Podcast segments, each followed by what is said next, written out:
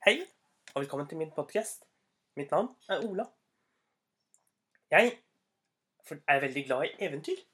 Og jeg liker å fortelle eventyr. Og mine eventyr, de er beregnet på barn og for alle andre som syns eventyr er gøy. I dag, i dag skal jeg fortsette på et eventyr som vi har hatt flere av tidligere. Et eventyr som jeg finner på her og nå sammen med deg. Nemlig om Nila som kommer for sent. Nila hun er en liten skolejente som alltid kommer for sent. Men Nila hun har alltid en unnskyldning på lager til hvorfor hun er for sen. Alltid en god forklaring og en historie. Og i dag skal vi få høre om Nila og skilpadden. Nila, nå er du sen igjen. Men mamma, det er ikke min skyld at jeg er sen i dag. Du skjønner det, at jeg var på vei hjem fra skolen. Da, da plutselig, vet du hva? Da begynte det å regne. Det begynte å regne store, tunge dråper ned fra himmelen. Og jeg måtte gjemme meg under et stort tak. Mammaen til Nila sukket og sa, Vennen min, det har ikke regnet på mange dager. Jo, sa Nila, det regnet bare rett over hodet mitt. Men det er ikke så farlig, for vet du hva jeg møtte inni i under taket der jeg sto og ventet? For plutselig så, så jeg ned på bakken, og da, da fikk jeg øye på en stor, grønn skilpadde. Og skilpadden, den hadde slikt fint skall på ryggen. Skikkelig fint og grønt. Det var en havskilpadde. Og jeg undret meg veldig på hva den gjorde så langt inne på land. For den var jo Vi er jo langt, langt borte fra havet, vi. Så jeg spurte den, og skilpadden så på meg og sa Du ser snill ut. Kan du hjelpe meg? Jeg har gått meg vill. Jeg kommer meg ikke hjem. Og som du vet, skilpadder går veldig, veldig sakte. Ja, så klart jeg kan hjelpe deg, sa jeg. Og jeg tenkte, for det var en stor skilpadde, skjønner du. Den var mye større enn en vanlig. Den var så stor at jeg kunne sitte på ryggen dens. Men det hadde ikke hjulpet noe, for han gikk jo så sakte. Men det betydde at jeg ikke kunne bære han heller. Han var altfor stor til det. Så jeg tenkte veldig hva jeg skulle gjøre. Da, da fikk jeg en idé. Jeg Vent lite grann, sa jeg til den. Så løp jeg det forteste jeg kunne, og fikk tak i en elsparkesykkel. Og snart så hadde jeg fått tak i en elsparkesykkel til. To elsparkesykler. Så fant jeg en gammel pall som noen som en butikk hadde brukt til å ha alle varene sine på. Så fant jeg fram en hammer og spiker og begynte å hamre og spikre fast pallen oppå elsparkesyklene.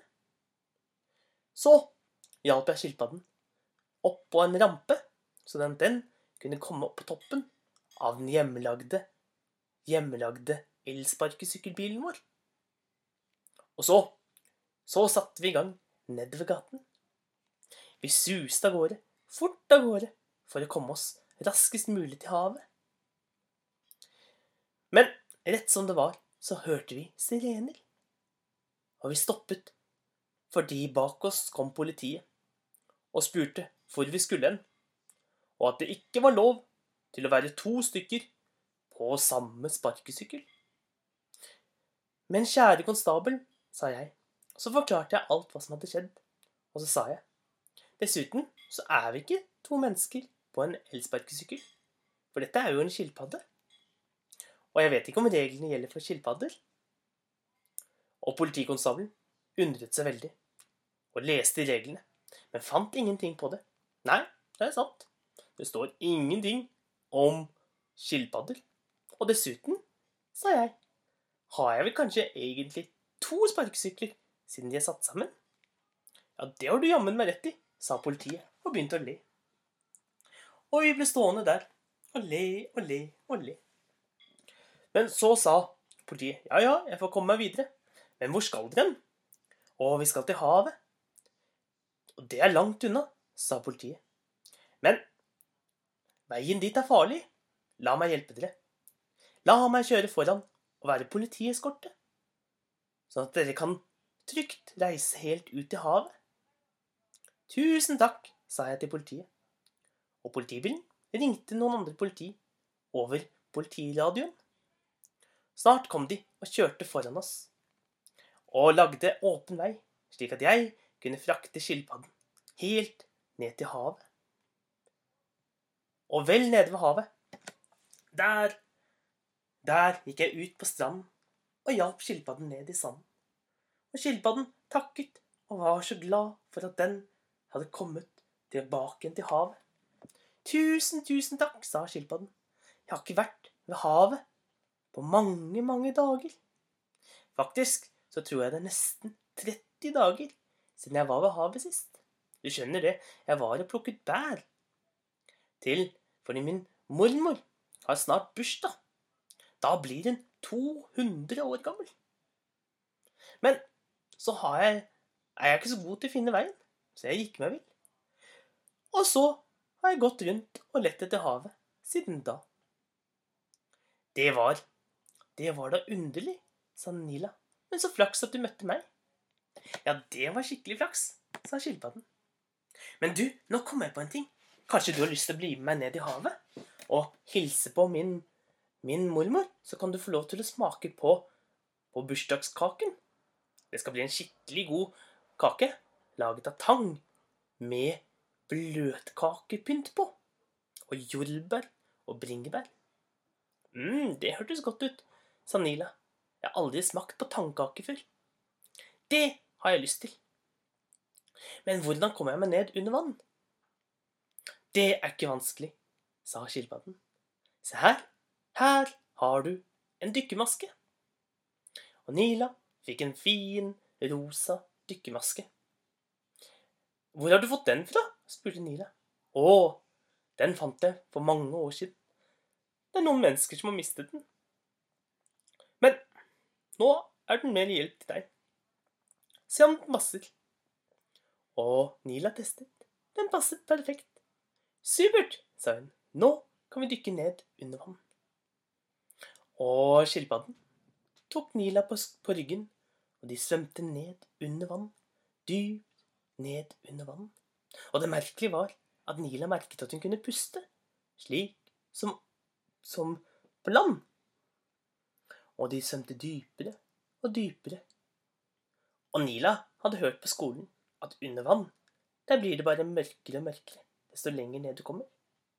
Men det var ikke sant. Her hvor skilpadden svømte, så ble det stadig mer og mer lys. Stadig mer ting å se.